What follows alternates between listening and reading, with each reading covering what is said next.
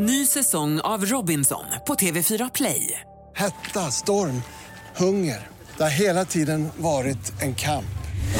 Nu är det blod och tårar. Fan händer just nu. Det. är Detta är inte okej. Robinson 2024, nu fucking kör vi!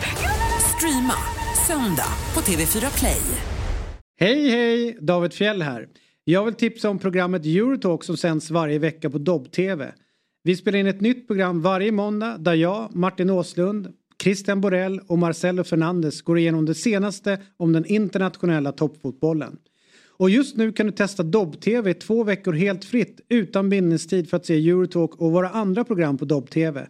Detta genom att använda koden Fotbollsmorgon när du startar valfritt abonnemang via www.dobb.tv. Eurotalk kan du se hos Dobb-TV via en webbläsare eller genom att ladda ner vår populära app Dobb-TV. Så in på www.dobb.tv och testa två veckor fritt. Big Six presenteras i samarbete med ComeOn. Nu med helt ny sportsbook.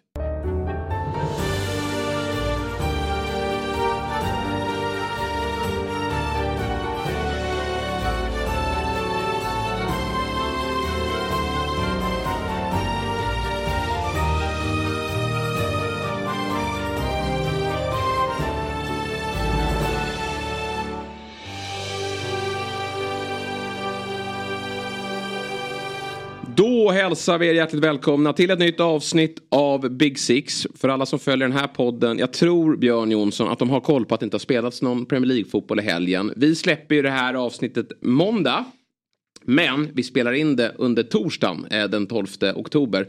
Och vi tror väl inte att det ska hända allt för mycket rörande Premier League-fotbollen som gör att vi, vi måste liksom hoppa in i, studio, i studion igen och göra ett extrainsatt Det hade varit avsnitt. trist om typ fyra tränare får sparken i helgen. Och Vem skulle kunna få sparken tror du den här helgen? Ja, det är väl vår... Vi pratade ju om Häckingbottom Ja. i Sheffield United. Eh, som ligger, borde väl ligga pyrt till. Men de eh, verkar inte vilja spendera så mycket pengar. Det kostar ju pengar att sparka tränare också. Så att, Precis. eh, vi får väl, det är väl, det är väl, men det skulle förvåna mig om det kommer nu mitt under ett landslagsuppehåll. Nej. Men det är väl han som är närmast skulle jag säga. Ja, det är väl så. Men eh, därför så har ju vi eh, gjort ett litet specialavsnitt eftersom vi inte har Ja. så mycket eh, fotboll att gå på. Och vi har ju en, en gäst som vi är väldigt stolta och glada över att han tar sig tiden och kommer till vår podd. Det är en gäst med tydlig Premier League-koppling.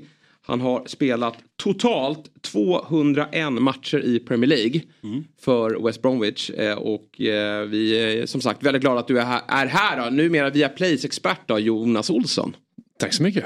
Kul att vara. Ja, Alltid kul att prata fotboll och i synnerhet Premier League såklart. du ställer ju ofta upp och gästar oss här på Dobb. Eh, Fotbollsmorgon har du varit med i tidigare och nu blir det alltså Big Six. Gör du det för att du är eh, för snäll och inte kan tacka nej? Eller tycker du att det här är kul att, att sätta dig även i veckodagarna och prata Premier League-fotboll?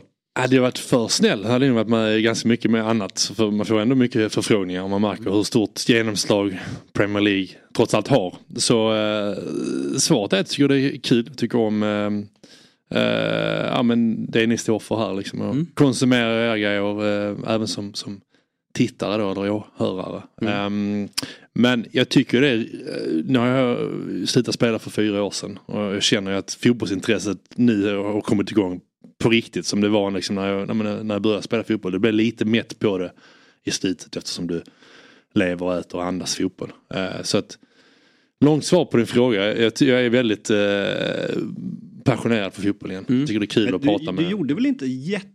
Du får rätta mig om jag har fel här. Men jag minns som att du gjorde inte jättemycket intervjuer när du var aktiv spelare. I, jag tänker främst på i, i West Bromwich. Mm, ja, men där är du också ganska styrd av, eh, av klubben. Eh, vad du får göra och vad de tycker du ska göra. Eh, och sen kommer man inte ifrån liksom att, jag menar, du, det är väl också ett egenintresse i att ni jobbar ju trots allt som, som expert. Det, det, det kan vara viktigt att fortbilda men det kan vara viktigt att och, eh, och, ja, men, och underhålla sin, sin, sin kunskap. Som när man spelar då känner man också att Ja, vad, vad har jag för eh, vinning av att göra en intervju annat än bekräftelse?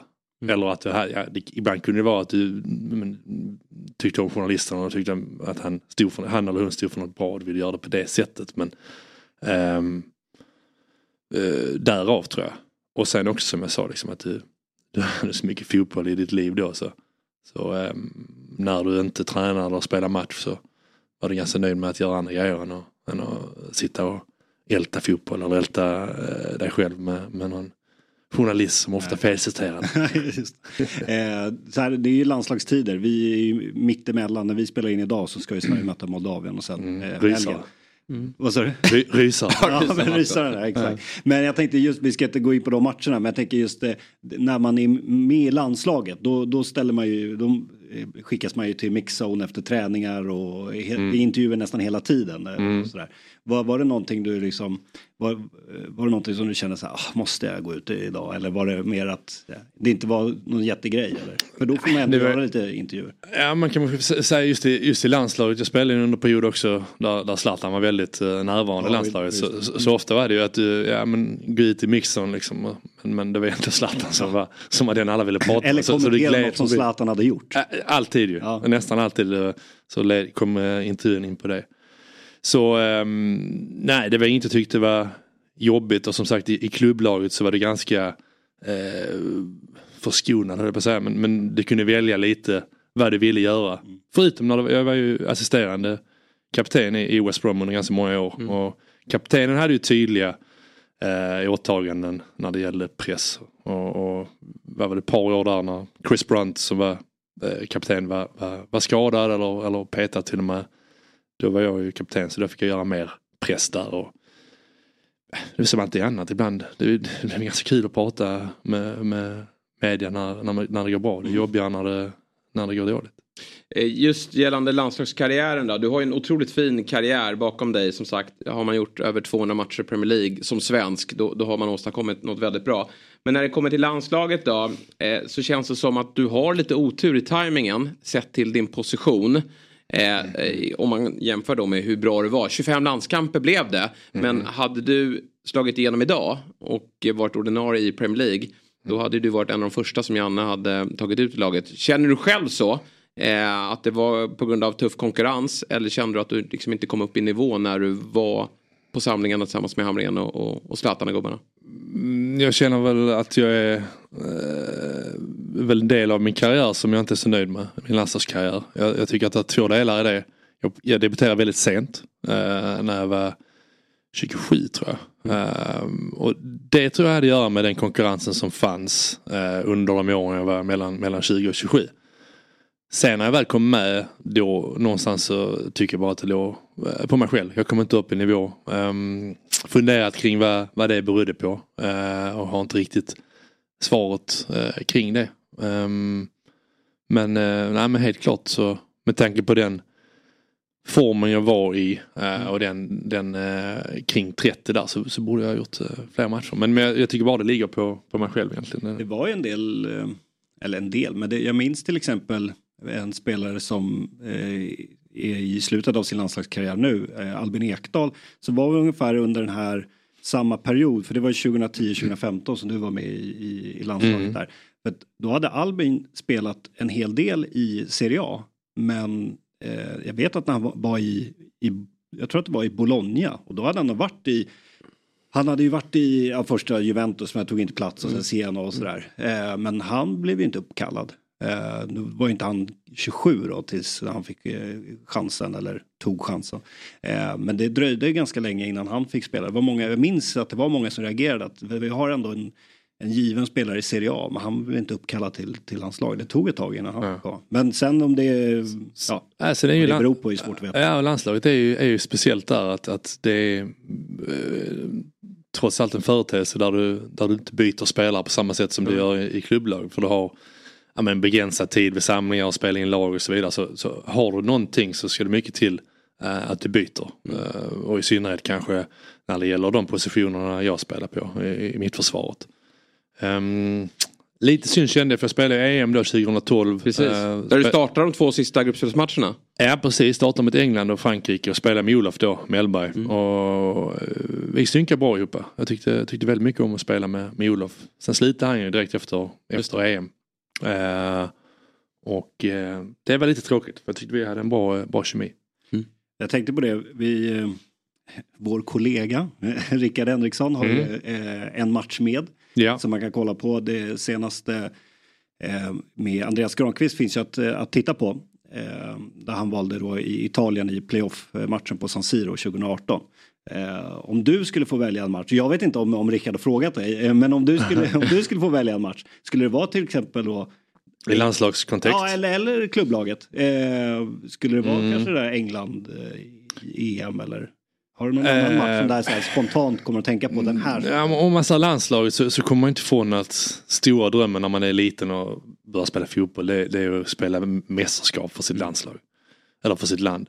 Och, och möta England eh, i EM eh, när jag spelar i England dessutom. Och när Roy Hodgson är tränare som jag har haft som tränare två månader innan eh, i, i West Brom. Det var, det var väldigt speciellt.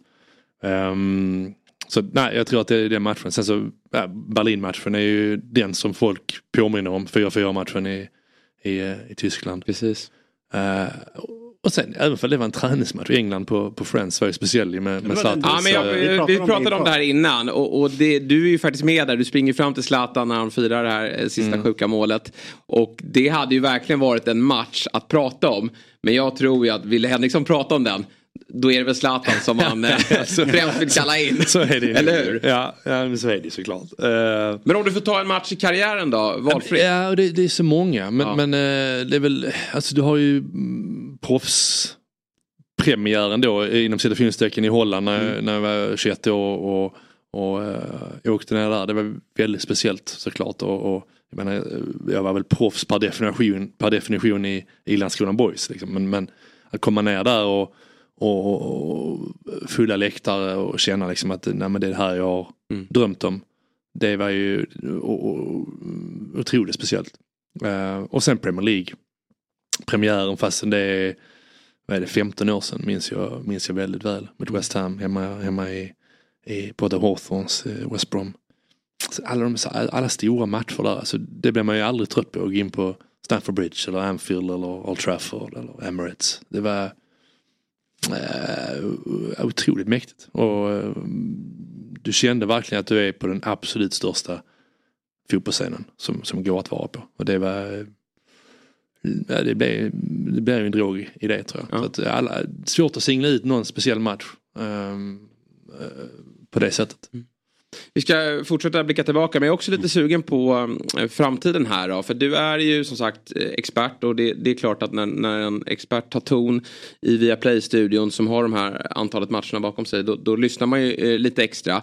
Men eh, framåt då, du är också med i något form av rådgivningsteam kring din, eh, är det moderklubb Landskrona Mm, Boys? det är ja, det. men det är Ja. moderklubb till och med. Pappa spelade i Landskrona Boys Ja. så jag började, och han var tränare då. Så jag började väldigt tidigt när jag var Ja. fem år. Ja, fint. Mm. Eh, och, och där är du med och hjälper till lite bakom kulisserna.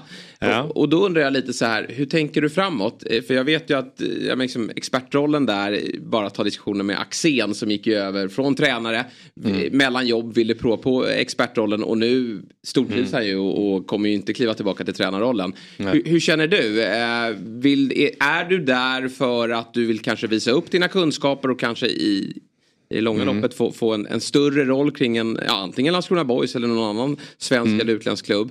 Eller eh, känner du att det är här jag vill vara, det är här jag vill bygga vidare? Ja, det är en bra fråga som, som jag inte har något eh, bra svar på tror jag. jag först och främst min, min engagemang i Landskrona Boys. Det, ja, jag är med i fotbollsutskottet här eh, som är substitut då för att vi inte har någon sportchef för tillfället. Så fotbollsutskottet där är, en, är ett utskott med ja, fem, sex stycken personer med, med fotbollsbakgrund. Eh, så det tycker jag är kul, tycker det är givande och tycker att jag bidrar där. Eh, expertrollen trivs jag väldigt bra med för tillfället. Som sagt, jag har ett, ett stort intresse kring engelsk fotboll. Jag tycker det är kul att vara, vara nära den på det sättet. Och det är flexibelt, det kommer man inte ifrån. Från att ha spelat fotboll, proffsfotboll under nästan eh, 20 år. Att, att kunna äga sin tid lite mer, det uppskattar jag otroligt mycket. Sen är det en, i en förlängning, jag, jag, tagit tränare, jag har gjort tränarutbildningen. Så jag har inte pro-license men, men ABC. Så jag tror att i en, i en, eh, i en längre tidshorisont att jag vill vara närmare planen och närmare spelet. Ehm, och då känner jag väl om jag får välja, om jag får, får drömma så någonstans i England. Mm. Eh, ganska många lagkompisar som är involverade i, i eller före detta lagkompisar då som är involverade i, i West Brom, i akademin där, i, i, i tränarstaben kring, kring, eh, kring A-laget. Så att, Ehm, det hade jag eh, nog haft som, eh, som drömmen för mig. Det finns lite tränartankar. Ja, alltså jag tog tränarutbildningen för att jag är intresserad av det. Eh, Inte bara, men jag tror också att ska du jobba inom fotbollen så i- oavsett plattform så tror jag det är bra att ha en sån utbildning. Men, men eh, jag tror när du har levt i, i, eh, i den branschen som, som det är att vara fotbollsspelare professionellt så du saknar ändå den dagliga kontakten med, eh, med, eh, med lagkompisar. Du saknar liksom kreativa i problemlösning kring, kring, kring, äh, kring matcher och så vidare. Äh, så att, äh, ja det tror jag. Men just nu så med mitt eh, man, livspussel Mm. så passar det väldigt bra med, eh, med media. Och jag tycker det är kul. Mm. Vilken tränare som du har haft har gjort mest intryck på dig? Är det Roy? Ja det är Roy, eh, Roy Hodgson tveklöst. Um, både som person och som, som tränare. Um, Vad är hans styrkor?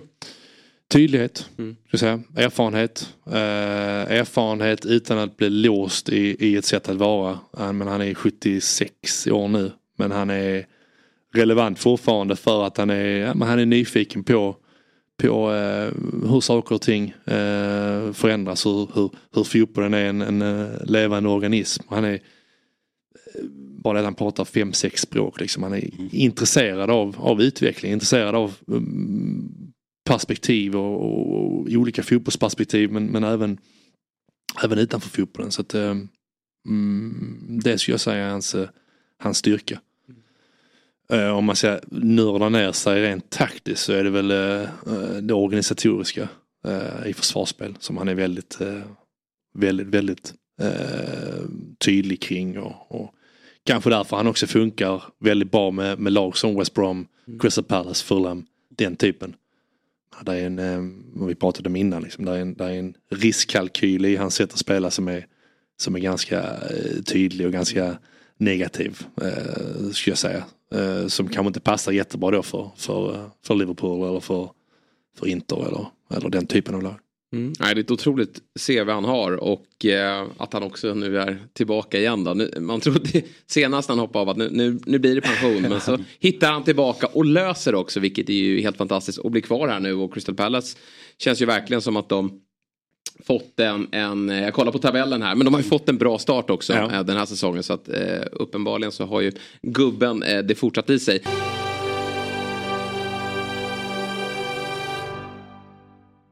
Big Six är sponsrat av EA Sports FC 24. Kalle, du, ditt Chelsea, de har det ju ganska tufft i verkligheten nu. Eh, Och då undrar jag, hur går det för dem i din FC24-karriär? Ja, men tackar som frågar. Där går det bättre faktiskt. Eh, Jag har till och med lyckats värva in Vinicius Junior och lira med honom som nia, tro det eller ej. Fastna nu inte i verklighetens Chelsea, Kalle. Det mår du bara skit av. FC24 använder visserligen tre nya banbrytande tekniker för att få spelet att bli det mest realistiska fotbollsspelet någonsin.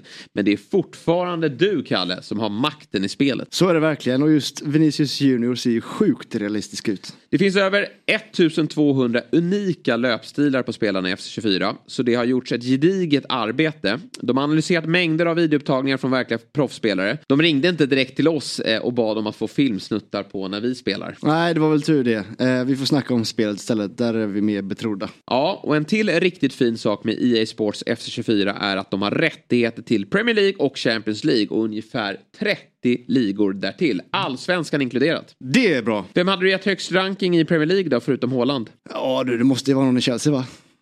Inte direkt. Nej. De Bruyne är det faktiskt. Och han har ju faktiskt 91 i totalbetyg, precis som Haaland. Ja, det, det ska han verkligen ha också. Ja, det är bara att längta hem hela hösten och hoppas att din FC24-karriär smittar av sig på verkligheten. Det hoppas jag med. Vi säger stort tack till EA Sports FC24 som sponsrar Big Six. Men nio år i West Brom. Ja. Det verkar som att du fortfarande har eh, bra kontakt också med eh, klubben. Ja men det har jag. Och, jag menar nio år och, och jag kom dit när jag var 25. Lämnade när jag var eh, 34. Så det, är- det är ju viktiga år i ditt liv också som formar dig som, som, som person. Eh, jag kom dit från Holland. Eh, ja, skaffade familj under den tiden jag var där och, och fick på riktigt eh, ja, men, nära vänner som jag spelar med. Så att, eh, eh ja, det är väldigt stor del av, av, av mitt liv. Jag har varit där och en viktig del av mitt liv.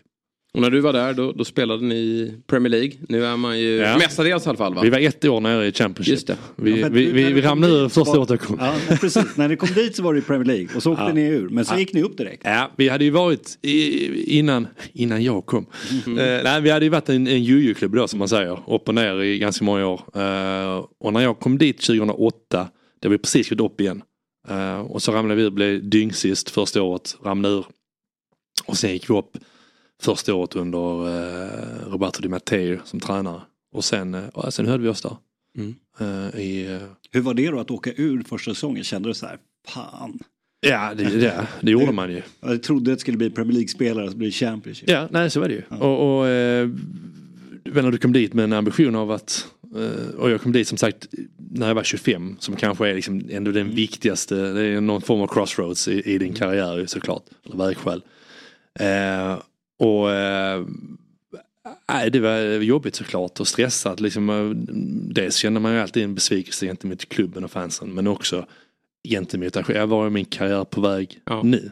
Och då hade inte Championship lika högt anseende som den typ har idag skulle jag säga. Det känns som att Championship är nästan eh, bakom de stora fem ligorna så är nästan Championship där uppe. nej, Så man, man anser att det är en väldigt hög nivå. Det ser vi bara på så här lag som Leicester och Leeds som åker ur. Det är inte så många spelare som lämnar utan de blir kvar där för att de fortsatt kan ha en god ekonomi, betala de här lönerna och spelarna själva eh, anser att det är en ganska god nivå. Ja, nej exakt. Så det har ju förändrats på det sättet. Och Där var jag en aspekt i det också. Att, eh, jag menar, när du ramlar ner, du fick, jag tror vi fick halverad lön. Liksom. Så det var ju det.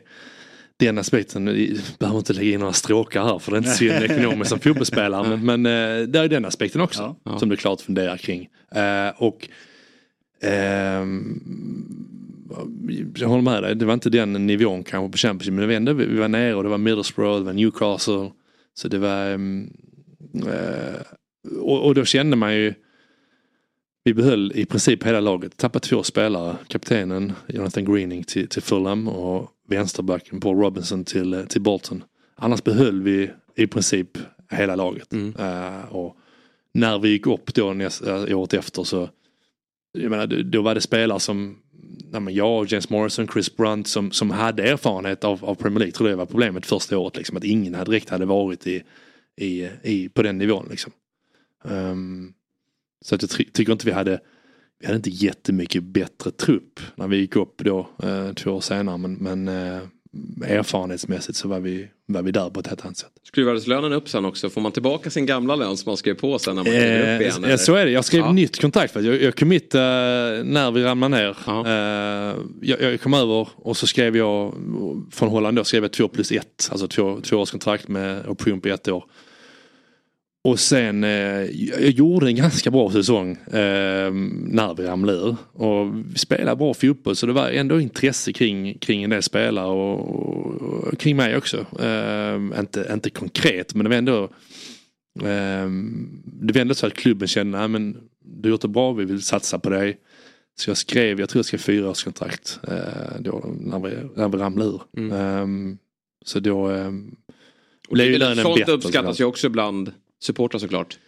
Ja så är det ju. När man stannar och, och, ehm, och tar ansvar så att Mm. säga. Eh, m- Men där var det en väldigt bra eh, klubb. Vi hade Dan Ashworth som sportchef som nu är i Newcastle. Som var i Brighton tidigare. Just det. Och han var väldigt, väldigt skicklig. Det har man sett både i Brighton och Newcastle att han skicklig dels att rekrytera spelare för, för en ganska bra eh, ja, rimliga transfersummor. Men också väldigt duktig på att behålla spelare och öppna upp kontrakt. När han märker att någon, någon gör det bra. Ja, men vi förlänger ditt kontrakt med ett par år så får du lite mer betalt. Och så. Kommer du sällan i de här situationerna att som till exempel ja, med Wolves gjorde några år därefter. Liksom, du ramlar ner och så har du 10-12 spelare på utgående kontrakt. Ja, det är klart att många av dem eh, lämnar. Hur ansvarsfull du än vill vara mot, mot klubben så, så har du ändå mm, dig själv att tänka på i det, i det avseendet. Så att, där var man väldigt eh, proaktiva. Men West Brom idag då? Det är, har ju faktiskt gått och nästan tyvärr har gått och etablerat sig som ett mittenlag i, i Championship. Om vi tittar på de tre senaste säsongerna. då, 10, 9 och idag ligger de på, på en elfte plats. Mm. Eh, Vad, vad är det som har gått snett och är du som hör från klubben och inifrån, Mm. är ambitionen fortsatt Premier League-spel antar jag? Ja så är det. Men jag tror det är två delar där. Som, dels är det som du säger, konkurrensen är en helt annan i Championship. Uh, fler lag som har tunga ekonomiska muskler. Det är det ena och den viktigaste faktorn tror jag. Sen är det också, som det ofta är, eh, ägarskapsfråga. Ehm, jag tror 2015 eh, köptes klubben av en, eh, ett kinesiskt konsortium. Och de eh, investerade ganska mycket i början. Men har inte investerat alls egentligen vad det verkar de senaste åren. Varken på, varken på, på spelarköp eller på att växa organiskt som klubb. Så jag tror det är eh, utifrån i alla fall som jag uppfattar det och även när jag pratar med, med folk i klubben. Sen är den ju tuff och häftig på så sätt att det är, ja, men, som i fjol då, då åker det ju Leeds, Southampton och Leicester. Det är ju tre ganska liksom, etablerade, starka klubbar. Hade givetvis en väldigt tuff säsong i fjol. Men, men klubbar med muskler och en, en historia av att vara i Premier League. Och sen dyker det alltid upp också någon uppstickare. Som vi, vi såg Luton kliver upp den här säsongen. Och i år är det Ipswich som har fått träff på saker och ting. Och, och då kan man vara där uppe vilket gör den här ligan väldigt charmig. Ja men så är det ju. Och, och som sagt, jag menar, 24 lag eh, i ligan med, med, precis som du säger, många som då som har ekonomiskt väldigt, eh, väldigt fördelaktigt. Men sen också stora tunga klubbar som, som Ipswich. Det kanske inte så för, liksom för vår- generation i Sverige. Så kanske inte det, ja men det är Ipswich. Det är, men, men det är en riktigt stor klubb i England. 70-talet var, var de otroliga. Du har ja, men Forest då, som har etablerat sig som i Premier League nu som var väldigt länge ner också. Och, och Leeds som du säger som varit upp och ner. Så att det är um, ja, du har Queens Park Rangers och du har uh, Charlton och så vidare. Så att det, det finns många, många stora lag i England. Och om vi ska ta oss då till Premier League och kanske prata eh, om, om säsongen som, som har börjat. Vi har åtta matcher in. Så eh, kan vi väl i och för sig ta nyheten först då. Som jag är lite nyfikna på att höra eh, när det kommer till dig som har mött den här spelaren då. Eh, Eden Hazard valde ju här tidigare i veckan. Kanske inte så överraskande eftersom han inte har löst någon klubb sedan han lämnade Real Madrid här i somras. Men ändå någonstans sett till ålder och vad han har åstadkommit då så är det ju någonstans ändå förvånande att han väljer att lägga skorna på hyllan. Men först och främst då, Eden Hazard som spelare som du mötte då eh, under dina år i Premier League. Hur, hur bra var han om, eh, liksom, av, av spelare du har mött? Ja, men han är, han är absoluta toppskikt- toppskiktet. Var ju nästan ospelbar eh, i vissa stunder i, i, i Chelsea. Eh, och, och genuint förvånad över att det inte gick bättre för honom än vad det gjorde i, i Real Madrid. Eh, mycket skador då såklart. Men ehm, det är en som man inte får riktigt eh, grepp om. För jag upplevde honom som ja, men så alla tekniska kvaliteter, det kan alla i hans fart. Men också väldigt extremt eh, spelintelligent, eh, extremt eh, så varm som person och inkännande och, och självkritisk. Alla de, alla de eh, eh, faktorer och egenskaper du behöver för att, eh, för att lyckas på, på eh, ja, men dels i Chelsea såklart, vilket han gjorde, men också liksom i andra sammanhang och i andra, i andra, eh, andra ligor. Så att, eh, förvånad över, över, över eh, att det inte gick bättre än vad det gjorde för honom i Real. Men inte så förvånad över att han slutade för han har haft, haft jobbiga år. ju. Det blir på något sätt lite ur ett sportsligt perspektiv lite sorgligt hur det blev. Eh, Från att han lämnade Chelsea. För att när han var i Chelsea, var i, sin prime, så var ju en av de Han var bästa bäst i ligan. Ja, ja exakt. Alltså, det var ju mm. helt makalöst. Och det är ju någonting med den där gyllene generationen från Belgien som Alltså visst, de tog ju ändå ett, ett VM-brons Mm. eh, och har ju varit rankat tvåa och sådär. Mm. Men var något med hela den generationen att det blev, visst man kan ju, om man stannar bara Eden Hazard i Chelsea så kan man ändå säga att det liksom, ja, under den perioden varit en av världens bästa spelare. Men man förväntade sig nästan att det skulle bli ännu mer och steget Mm. till Real Madrid att det skulle bli Mm. en tongivande spelare och så skulle visa liksom på, i, en, i en annan bra liga att, att han är den världsklasspelare. Men det, det var Mm. någonting med den här gyllene generationen att den blev inte så, alltså. Nej jag håller med. Super, Sen kan man inte ta det ifrån dem ett VM-brons. Men, men, men jag håller ändå med att eh, förväntningarna med tanke på hur, hur, eh, vilket lag de hade. Mm. Som var helt otroligt. Eh, men ja, nej det, det, det är också en, en, en gåta i sig. Det ska bli intressant att höra vad han, liksom, det kanske får gå några år innan självbiografin kommer. Men det ska bli intressant att höra för alla är ju lika förvånade över att eh, flytten från Chelsea till Real Madrid inte blev mer lyckosam. Förmodligen har det ju en del att göra med skadorna han ändå drog på sig. Eh, liten eh, spelare med, med låg ty tyngdpunkt som, som eh, ja, kunde ju dribbla upp vem som helst och tog ju mycket stryk mot anklarna. Så förmodligen kan ju det ha, ha haft påverkan att, att kroppen eh, slutade svara. Mm. Samtidigt då som det kan ju vara som så också att någonstans man, man når sin drömflytt. Mm. Att motivationen börjar Ja, så trappa det vara. ner men det, Ja, nej. det bör ju inte vara så. Men, men, men om man knyter åter det här, ja, det är klart att han har fått stryk under sin, eh, under sin karriär. Men, men jag, som sagt, jag upplevde honom som extremt spelintelligent. Så jag, jag, jag hade nästan satt honom i kategorin Ja. av spelare som, ja men när de kommer upp i åldern lite, att de, att de uppfinner en, en ny version av sig Precis. själv. Som kanske Zlatan gjorde, som Ja. Ronaldo gjorde. Ehm, det är jag förvånad över framförallt. Ja. Ja, intressant att höra. Otroligt många fina minnen med Eden Hazard från, från Premier League under eh, 10-talet. Då.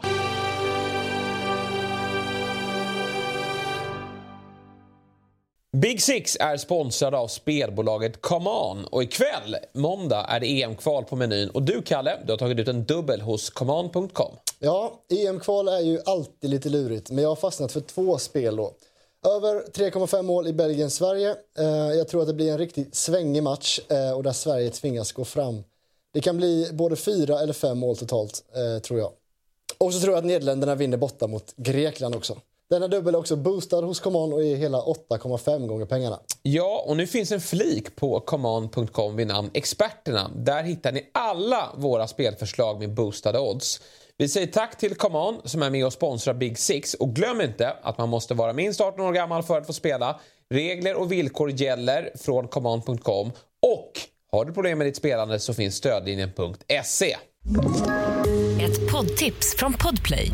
I fallen jag aldrig glömmer djupdyker Hasse Aro i arbetet bakom några av Sveriges mest uppseendeväckande brottsutredningar. Går vi in med hemlig telefonavlyssning och, och då upplever vi att vi får en total förändring av hans beteende. Vad är det som händer nu? Vem är det som läcker? Och så säger han att jag är kriminell, jag har varit kriminell i hela mitt liv men att mörda ett barn, där går min gräns. Nya säsongen av Fallen jag aldrig glömmer på Podplay.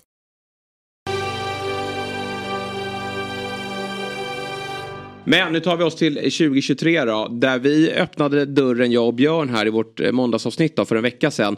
Om att vi, för vi, när vi satt och spekulerade kring tabellen så vi, stack ju inte ut hakan utan de flesta tyckare, experter var väl ganska eniga om att laget som vann trippen i fjol, Manchester City, är stora favoriter. Och, och trots att det har varit en viss ombyggnad i, i, i klubben den här sommaren, vilket ju i och för sig ganska ofta är att, att spelare försvinner. Pep är ganska skicklig på det, att kunna eh, bygga om laget, givetvis med stora medel, men också att han tappar ju en del eh, viktiga spelare. Men, men den här sommaren då så var det många centrala spelare som lämnade.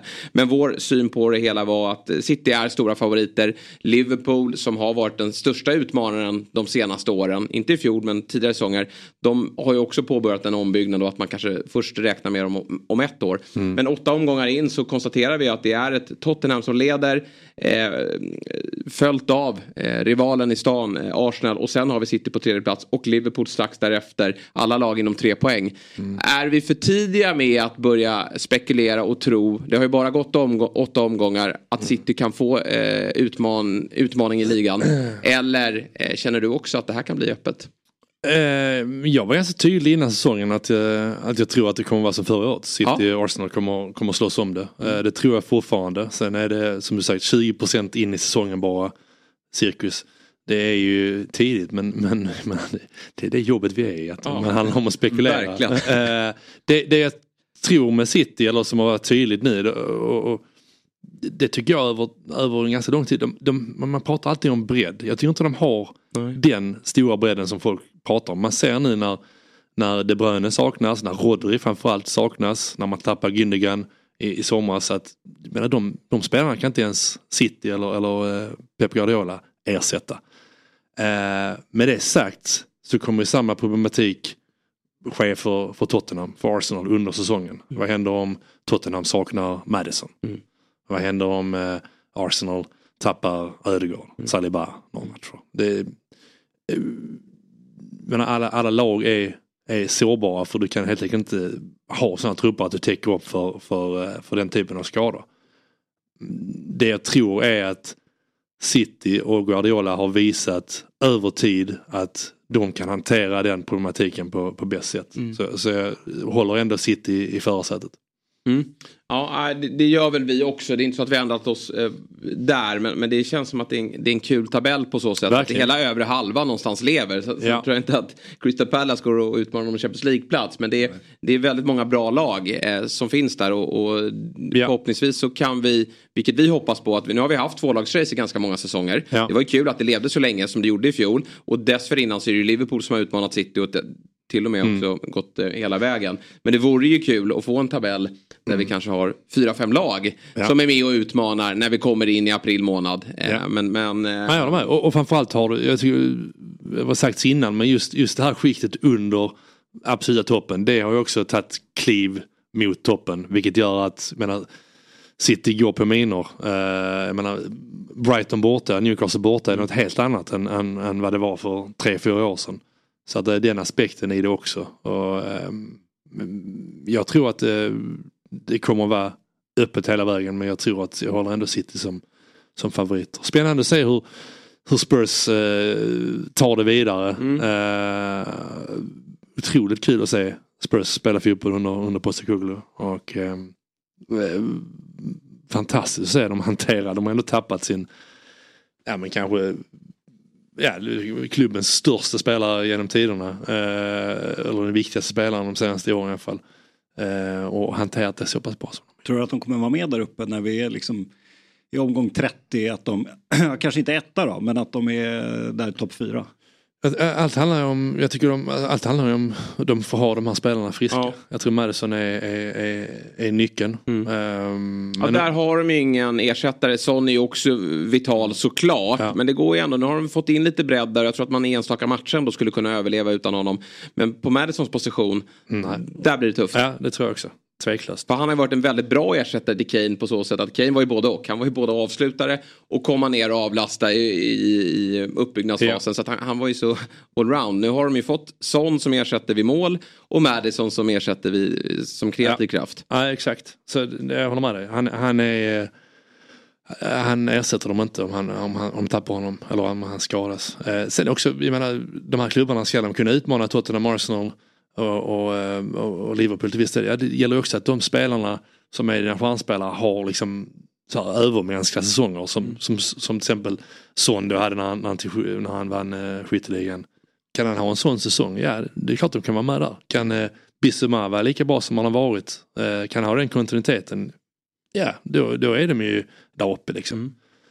Men, men man kan inte ta ifrån City att de har gjort det över tid så länge och, ehm, och kunnat han, hantera som, så, eh, som sagt då bortfall av, av spelare på, på ett eh, otroligt sätt. Sen går det inte att komma ifrån att det är en otrolig fördel för Spurs att bara fokusera på helgerna. Det är ingen Europafotboll. Jag tror till exempel hade man haft en Conference League så hade det varit liksom åka iväg på de här resorna och ibland fått spela stjärnorna och, och, och sen kommit lite slitna till helgerna. Nu är det ju som så att det är ju bara fokus på söndagens match mot ja, Exakt. men Fulham, eh, Liverpool. Så de har bara det fokuset och det, det tror jag kommer vara bra för dem hela vägen i mål. Jag håller med dig helt och jag tror inte när det gäller Europaspel så tror jag inte, oavsett om du spelar i Champions League, Conference eller Europa League, det är inte belastningen Nej. som är problemet. Problemet är att du får hela tiden, du har inte eh, träningsveckor som, som, eh, som där, du kan, eh, där du kan justera och, och, eh, och träna på grejer. Det är det stora problemet med Europaspel. Jag vet att- och där har de en fördel. Jag dig. Jag vet att du också har lyft fram det här eh,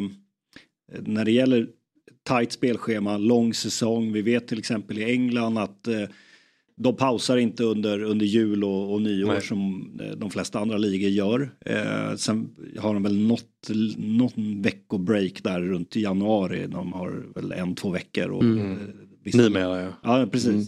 Men att just det mentala också. Mm. Att, eh, att åka på, till exempel för de här Europalagen, att åka iväg, de ska ändå åka iväg på Mm. bortaresor och sen ska de ladda om och det är, okej nu möter vi de här, sen möter vi de här och så har vi, och Jag, prat, eh, jag och Åslund har pratat ganska mycket om Jo, det. tack. Eh, och, eh, och han är väl Han har inga åsikter, va? Nej, nej, nej, han- nej exakt.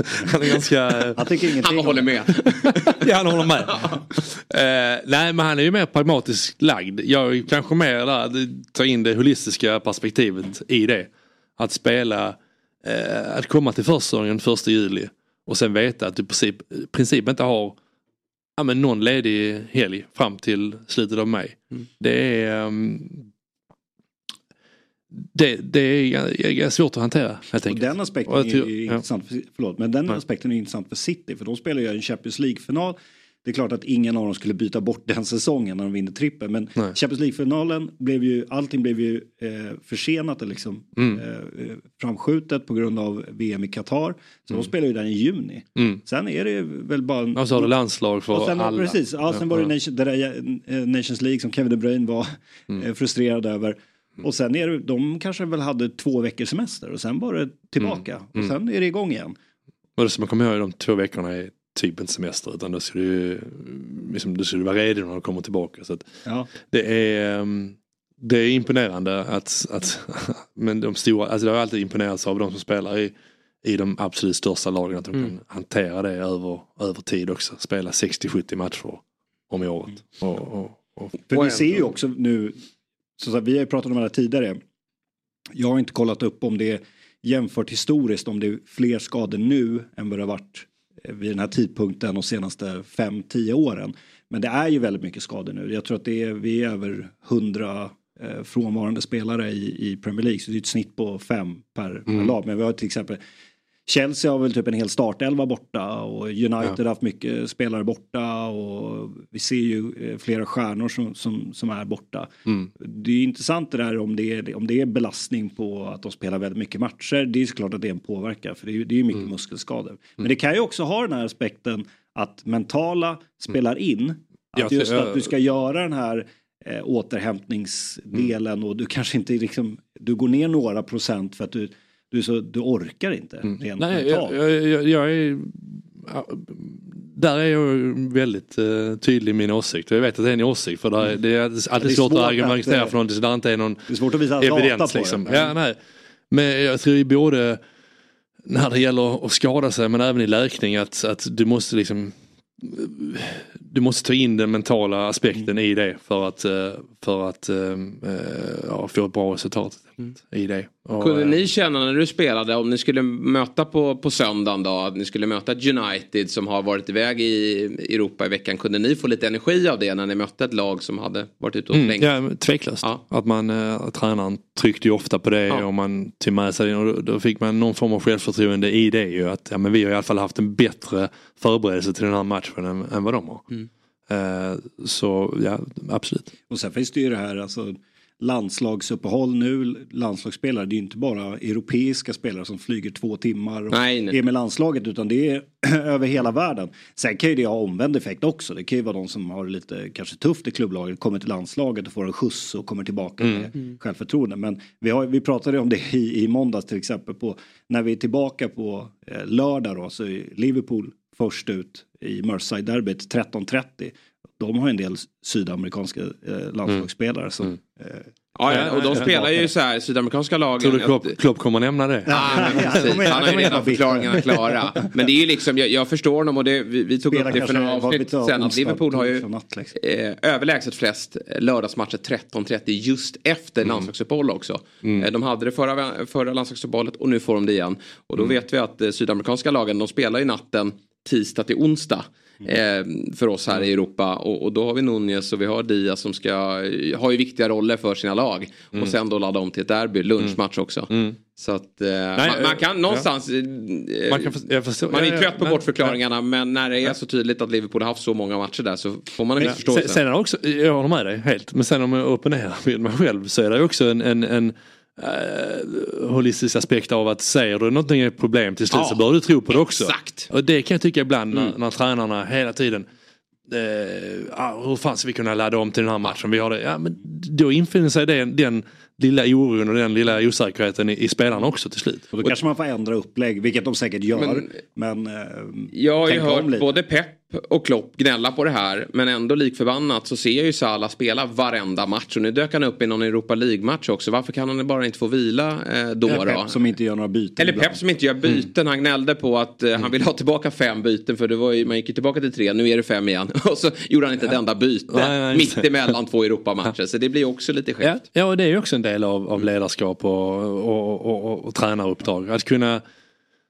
hantera det, hantera den balansen och kanske också vi pratade här om, om när Liverpool den säsongen de hade så otroligt mycket skador. Ja då kanske du inte kan spela så högintensivt. Nej. Då får du försöka spela på ett sätt som, som kanske minimerar de här explosiva eh, aktionerna. Sen vet inte jag om man gör det men, men, men jag menar eh, det är väl ändå tankar som borde infinna sig i Ja, tränarnas det är väl det klassiska medvetande. exemplet när Salah spelade mot, var det Mittjylland borta? Ja. Eh, Och det var en match som inte betydde någonting heller, för det var redan klart. Ja. Och, och han gick väl skadad i den där matchen. Vi hade ju senast i, Jag i tror förra veckan. Jota alltså- drog en knäskada i just den matchen. Ja, just var ju borta två månader efter det. eh, Och, och sen fortsatte skadeproblemet. och Saka mot Lans här senast. Ja, och då hade De Bruyne i premiären. Ja men för City. precis. Och då vet vi att han gick sönder i en Champions League-final. Det pratades om att De Bruyne skulle komma tillbaka i september. Ja. Men ska ändå slängas in i den här premiären. Går sönder och där tror jag vi har ett Han var ju själv problem. förvånad ju att han fick starta. Ja men precis, han var ju lite irriterad där. Eh, Visade ni upp i Viaplay där att han fick spela. Och där tror jag har varit ett stort problem för City. Att så här, nu har de tappat Gündogan. De har ju visat förr att de har klarat sig utan eh, De Bruyne. Men att det sker i samband med att man bygger om centralt. Det har varit lite väl tungt för dem. Ja, det tror jag också.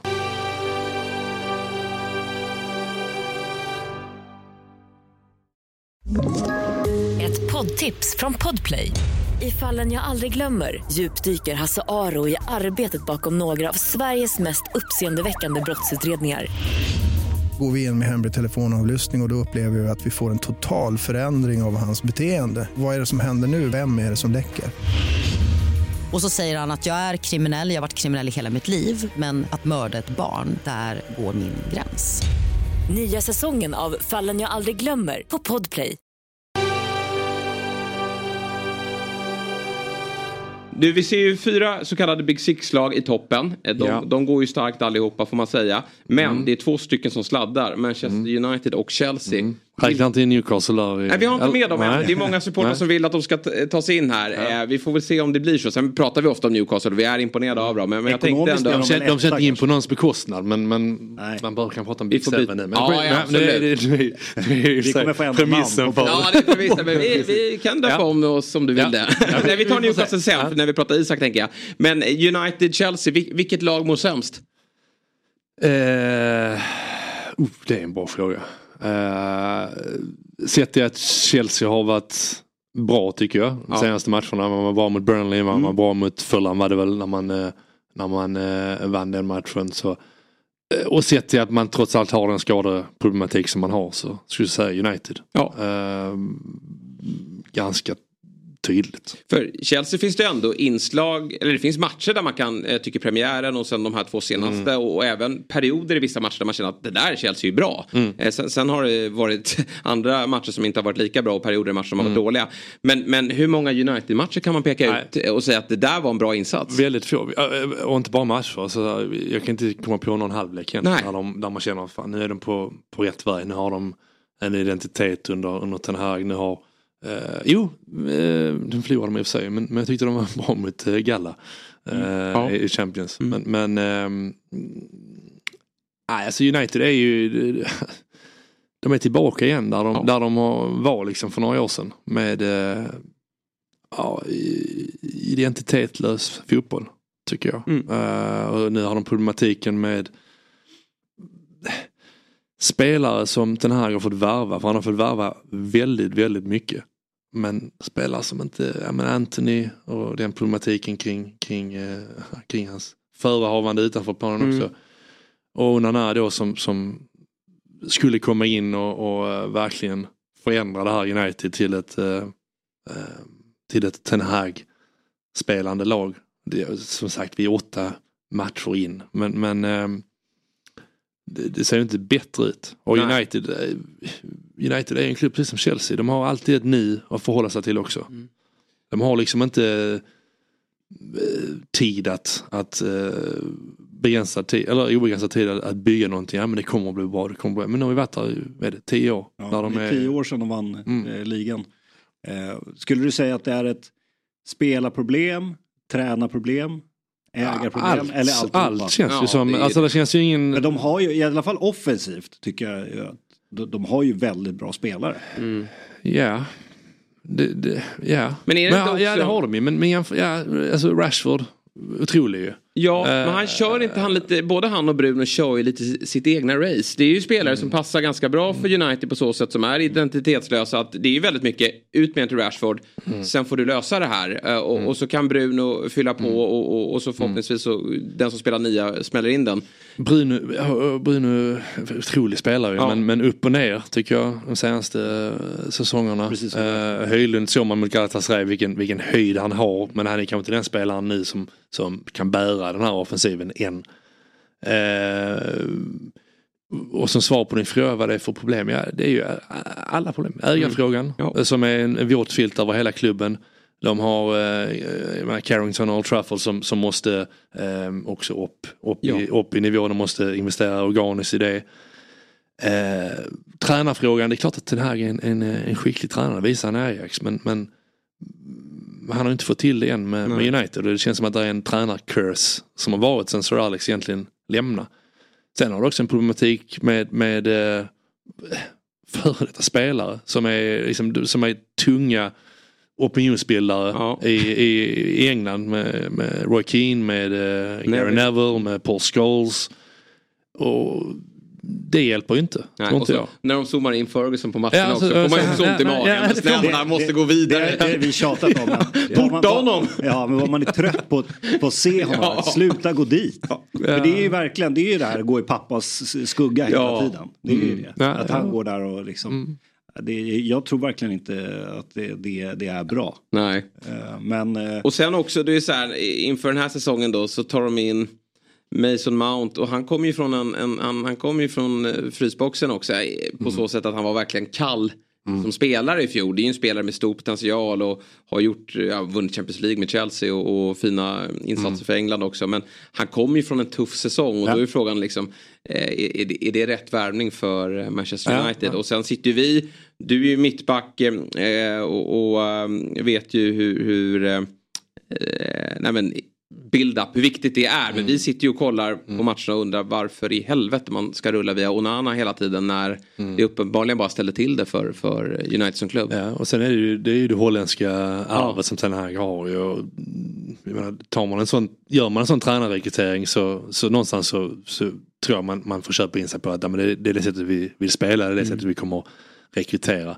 Men med rekryteringen, om man säger i år då, som du nämnde, Mason Mount, eh, Onana eh, och, och Höjlund. Det, är, ja, det är klart att det är skickliga spelare men det är ingen av dem man känner så här, han kommer in, gå in från dag ett och göra det här laget bättre. Det är en osäkerhet i det också.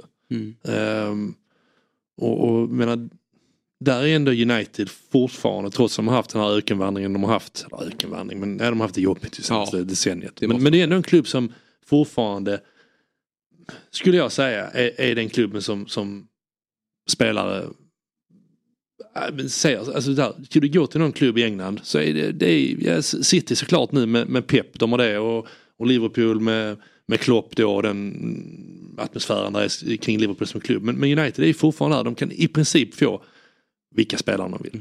Och de har råd att köpa vilka spelare. Så rekryteringen känns, känns konstigt tycker jag. För kollar man på... Konstigt, ja, den, inte, den känns inte tillräckligt eh, bra för en klubb. Nej, alltså kollar man på, det här är inget nytt tema, men kollar man på topp 6 så är det ju tränardrivna lag. Där. Mm. Såklart, visst, Verkligen. absolut. Eh, Manchester Väldigt tydligt. Ja, Arsenal, Manchester City, Liverpool kan det erbjuda. De kan ju locka egentligen nästan, inte alla de bästa bra att du drog gränsen efter sex och inte tog med West Ham. Nej, det, precis. det visste jag men det är en annan typ av fotboll. Nej, men, och, men, men United, där är det ju liksom, det, det upplever inte jag är riktigt tränardrivet. Nej. Eh, på det sättet. Nej. Eh, att det, det är så tydligt tränaren som sätter prägen här. Utan det, det, det har varit mycket att, ja, men vilken är den hetaste spelaren på marknaden? Utan, Mm. Men han ska in. Ja, ja nej, jag håller med. Sen, eh, sen tror jag ändå att, att liksom, i rekryteringen så har det ändå blivit tydligare när Ten Hag kommit in med vad- vilken spelare han vill. Men, men de har ju uppenbarligen inte gängat så bra som, som man har hoppats. Nej. Och, och det blir så tufft för United och Chelsea också för den delen. Chelsea har ju ändå en långsiktig tro och vi tycker ändå att det finns eh, inslag av, av, av bra saker de gör ute på planen.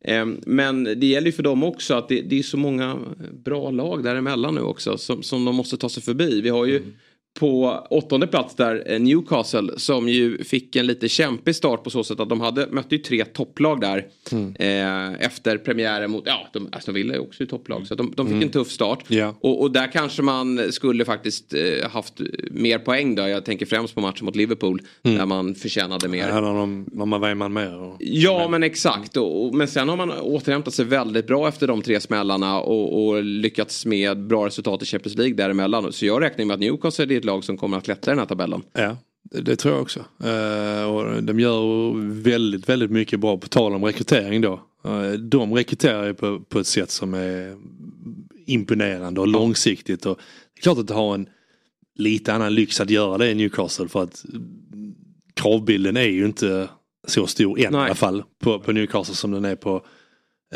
United eller Chelsea. Så att man har kanske lite mer tid att, att, bygga långsamt. Men, Ja, för där i Newcastle har vi ju inga riktiga världsstjärnor. Det är bara att kolla på de som gör mål mot PSG. Det är ju liksom Lascelles och Dan Burn och... Ja, ja, eh, och eh, alltså, bara titta på den backlinjen som har varit intakt. Nu är Bottman skadad förvisso, men, men där, Mm. där har det ju verkligen en, en... Sen visst, de har ju sina ägare och de kommer ju på, Mm. på sikt, så länge de är kvar, kunna rekrytera eh, starkare och starkare namn. Men Ja. där har det också, och det är ju ett eh, tränarval som inte heller är något på förhand något jättestort affischnamn nej. eh, heller. Nej, nej det är du. Nej, jag håller med dig. Men, men det, är, det är en klubb som som sagt rekryterar bra när det gäller, när det gäller tränare, när det gäller sportchef, nämnde Dan Ashworth. Och när det gäller, eh, när det gäller spelare. Man varvar, precis som du sa att United inte gör, tycker jag. Att man varvar spelare som, ja men, vi passar in här. Den spelartypen ska vi ha. Det känns som så här, det känns att så ofistikerat kan det inte vara att United gör. Men, men det känns som att de har en, ehm, eh, de är mer sofistikerade i det, i det avseendet. Luddigt var det svaret. ja, men om man tittar till- ni, har, ni har en klippare? Nej Nej, det får vi inte Nej, men, tydligt tycker jag ändå. När, vi, men till exempel med United när de tog till, tillbaka Ronaldo. Det var liksom så här, vi kan inte. Och det var ju snack om att han skulle gå till City ju. Ja. Men vi, vi måste gå för honom. Mm. Och så visade det sig att det, det blev ju bara ett problem. Mm. Eh, Sen vems fel det var, det är ju svårt att, att, säga kanske. Men, men, eh, Ja, var- men, ja, och, och, men, ja det, det är svårt att säga utifrån. Men då, sen har du den problematiken nu med Jadon Sancho till exempel. Ja, exakt. Där är ju uppenbarligen ändå att, att eh, spelarna har sitt ansvar såklart men han är ju Ten Hag verkar ju holländsk i det att han är, att han är eh, ganska rakt där, ganska kategorisk. Ja, det kanske man måste vara men, men, men ja, precis. Och det, ja, det kan jag väl uppskatta att du har en integritet som tränare men, men ehm, den känns ju väldigt oharmonisk som klubb på alla sätt. För, Den- fortfarande. Ja det kommer ju uppgifter tror jag bara idag torsdag. Det vet man inte. Man kan, ska ta en del uppgifter med en nypa salt. Men att även personal runt United med tanke på det som har hänt med Sancho och Anthony. Att de känner att miljön inte, att, Ja, att, Greenwood. att personal vill lämna Ja. United. För att de tycker att mm, ja, miljön här är inte tillräckligt bra. Nej. Ja. Ja, en hel del utmaningar då. Men du, på tal om Newcastle och nyförvärv. Deras största nyförvärv sen eh, som de gjorde förra sommaren. Det var ju vår svenska Alexander Isak. Och nu har det gått ett år. Och man måste väl ändå konstatera att det har varit en riktigt bra start för honom. Och det var ju inte självklart. Alltså vi har ju följt honom och har ju, i alla fall jag och jag tror jag talar för dig också Björn, haft stora förhoppningar på honom att han ska eh, utveckla sig och bli en, en riktigt, riktigt bra eh, spelare på den här nivån. Men eh, det var inte självklart på så sätt. Han kommer från en annan liga i Spanien. Han kommer från ett lag med nu är de visserligen i Champions League och Real Sociedad men inte alls eh, samma kravbild som Newcastle ändå har fått med tanke på pengarna som har kommit in i klubben. Men... eh, Kom från en tuff säsong också. Ja men exakt. Säsongen innan var ju, Mm. det var ju året innan, dessförinnan då som han hade sin eh, fina säsong men, men hade mycket Mm. riktigt en, en tuff säsong innan han eh, skrev på för Newcastle. Men fick lite skador i fjol. Ja. Eh, var, missade ju vintern där. Men sen hittade han tillbaka och, och gjorde viktiga mål mot slutet. Mm. Vad, eh, vad säger du om eh, Isaks första år i klubben? Eh, ja, ja, ja, succé skulle jag Mm, säga. ja. Det, det finns inga andra, andra ord. Eh, att komma till, till den eh, nivån, komma med den kravbilden som den prislappen innebär. Eh, och göra det så bra både statistiskt, Mm. eh, hans målsnitt. Men även de här kvinnorna med otroliga assist förra säsongen. Och att han kan hantera, han har också varit liksom, han har lite, växeldratt lite med Callum Wilson. Mm. Att kunna hantera det också Ja. på, på det sättet han gör det. Nej det är, det är fem plus skulle jag säga. Ja.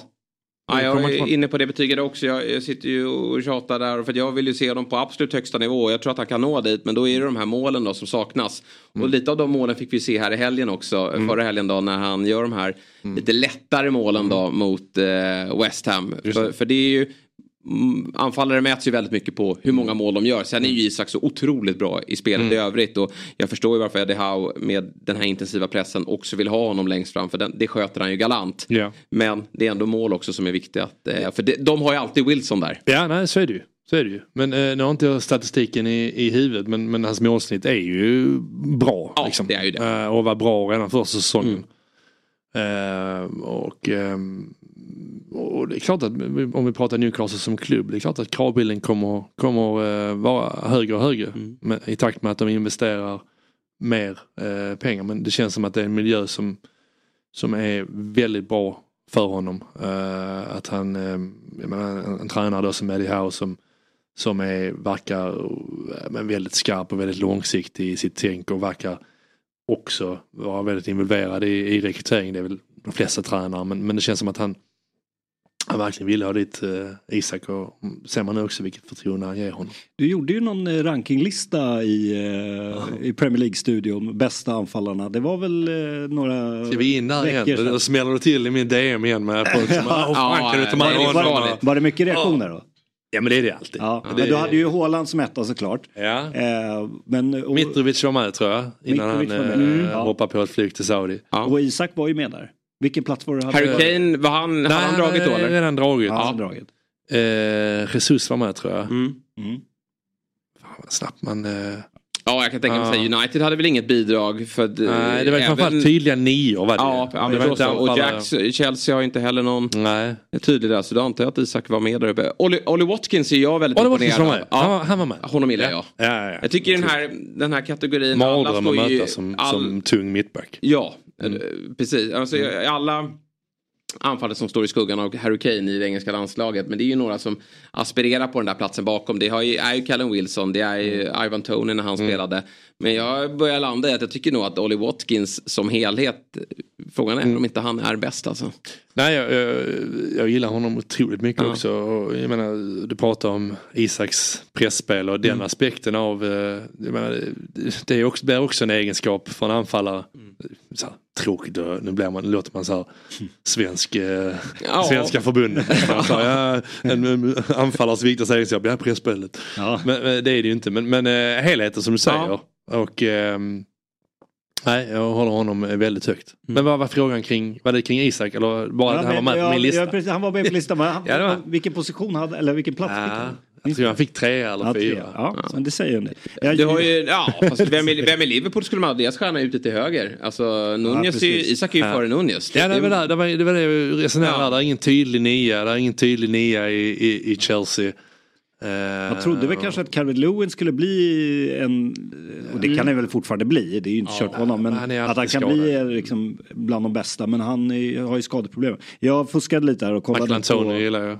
På Isaks eh, statistik. Han har 17 mål på 37 matcher i Newcastle, så det är ju mål varannan match. Mm. Eh, Ja. Och det är ju bra. Och det, det får man säga. säga. Sen är det så alla jämför sig hela tiden med Haaland och det, det blir ju Han har ju ett sjukt facit. Ja, nej, så. Eh. Han har ju lagt ribban eh, på 2,50 känns det Ja. Så att, eh, Och ganska bra omgivning där också. Eh, även om Men han är Isak- bara två mål bakom honom just nu. Ja, I ligan. precis. Så att det kanske med en ny lista då att vi har Isak på en, på en andra plats där bakom Håland. Ja, du Jonas, en, en eh, timme går fort här. Otroligt. har vi redan eh, eh, betat av en timme? Ja, Ja, eh, lite där till faktiskt också. Ja. Eh, så att det, var, det var väldigt trevligt. Bottenstriden tycker jag inte vi behöver. Det är lite för tidigt att, att dyka ner i. Vi konstaterade att den kommer inte bli lika eh, häftig som i fjol då, Nej. då det levde hela vägen i- in i mål. Det kan det i och för sig göra men inte lika många lag kommer nog vara delaktiga i den. Nej, och sen känns det så här, för tidigt, ja. Men det är ju ändå en, eh, en oro för om, tre, om de tre nykomlingarna ligger bland de fyra sista nu. Jag menar, då är det ju en, ändå en varningsklocka för, för Luton och Burnley och Sheffield United, får man väl säga. De brukar, ska nykomlingar hänga kvar så den här klyschan som inte är en klyscha, ja, men då ska de gärna ha en, eh, en, bra start. Och det har de inte haft. Nej, och det är ju tråkigt för Burnley då. Tuff start, men det är Mm. tråkigt för Hjalmar Ekdal att han Ja. har varit skadad. Jag tror verkligen att han hade fått möjligheter att, att spela här nu. De har ju lite problem, skador där bak i backlinjen. Har fått en jobbig start också. Du träffade ju honom inför Mm. säsongen. Eh, Det känns ju som att eh, han har möjligheter när han tillfrisknar. Det, det verkar som att han är nära nu att, att komma tillbaka. Och spelar ju jättemycket Ja. förra säsongen och äh, jättebra kille och, och sättet han har äh, tagit sig an engelska fotbollen och imponerad och Väldigt imponerad av. Så ja, hoppas han blir han eh, frisknar till snart så han kan eh, ja, hjälpa dem.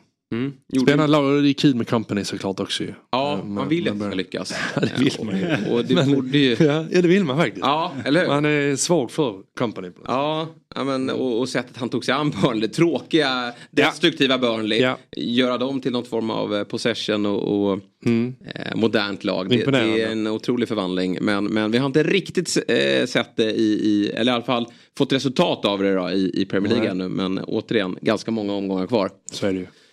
Bra Jonas, hur är det skönt att vara ledig då? När det är landslagsuppehåll så, så är det lite lugnare. Även om du Ja. jobbade Jobba då ikväll. på Moldavien-matchen. Jag ska- jag ska då. jobba ikväll, Ja, ja. Mm. precis. Eh, så uppmanar alla, ja, nu känns inte detta. Nej, de har- Men nej, annars precis. de har redan alla inte komma till tittat. Friends. eh, ja men lite lugnare men eh, det är ju det som är kul med Viaplay också att vi har eh, många olika rättigheter. Jag tycker det såklart brinner jag mest för, för Premier League men, men eh, ja, landslagsfotboll är ju, är ju härligt också och ehm, det är klart att Sverige är ett, är ett prekärt läge men det är också spännande att se vad, vad som eh, kommer här efter. Ja, precis. Eh, men också, ni har ju rättigheten till Europa League och Conference League. Och Europa League kan ju bli en fullträff ur ett Premier League-intresse. Då. Vi har, Ja, vi har Liverpool- eh, Liverpool där. Hoppas att Brighton, de har ju bara en poäng här efter första två då, men att de tar sig samman. Mm. Och sen har vi även West Ham där då, som har ju fått en bra start i ligan och, och visade i fjol hur bra de är. De är väl 16 raka matcher i, i eh, I Europa Europaspelet. eh, utan att ha förlorat. Så att eh, Ja, de, mäktigt. Moyes Ja. eh, vet hur man gör. Sen kanske det kommer in något från Champions League också, något engelskt lag. Så kan det ju definitivt. Så du tippar något? Av, nej. Eh, av de Om lagen det ska rassla till i din DM-box. Ja, precis. Nej, men det är väl klart att Arsenal inte går vidare i sin grupp. De står för dig. De, det är de supportrarna faktiskt som tycker jag är mest hetlevrade just nu. Är det så? Ja, jag tycker det. Går man emot det. Liverpool, de, de har liksom vant sig lite och de, de har lärt sig att vi... vi... Har de det? Ja, men jag tycker det. Alltså, de, de går inte på alla fällor man, man lurar in dem i. Men Arsenal-supportrarna, de är, de är väldigt på hugget. Ja, det är kul med passion. Ja, Eller? verkligen. Det uppskattas. Det är det den här podden lever på. Eh, men Jonas, återigen då. Riktigt kul att ha dig med. Ja, kul att vara. Eh, du får... Kommer gärna tillbaka. Ja, men Vi lär ju. väldigt gärna. Väldigt gärna. Prata ska- Big Seven kanske? Ja, precis. Då Ja, tar precis. vi med eh, eller Newcastle, eller Brighton då. Som, vi pratar väldigt mycket Brighton här. I Åsnen vi, vill ni ha en Big Eight i så fall. ja, exakt. Mm. Åslund får gärna komma också. Eh, Kan ha ett Brighton-avsnitt. Ja, Precis. Det blir. Mm. Ja. Exakt. Eh, Tack även eh, till dig Björn. Tack, tack. Eh, och tack till alla er som har lyssnat. Vi är tillbaka på torsdag igen med ett nytt avsnitt.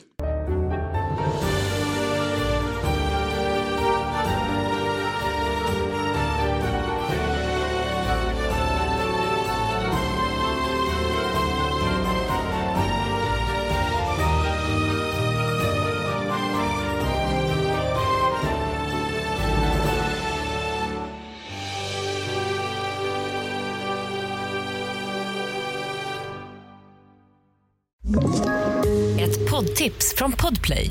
I fallen jag aldrig glömmer djupdyker Hasse Aro i arbetet bakom några av Sveriges mest uppseendeväckande brottsutredningar. Går vi in med hemlig telefonavlyssning och, och då upplever vi att vi får en total förändring av hans beteende. Vad är det som händer nu? Vem är det som läcker? Och så säger han att jag är kriminell, jag har varit kriminell i hela mitt liv men att mörda ett barn, där går min gräns. Nya säsongen av Fallen jag aldrig glömmer på Podplay.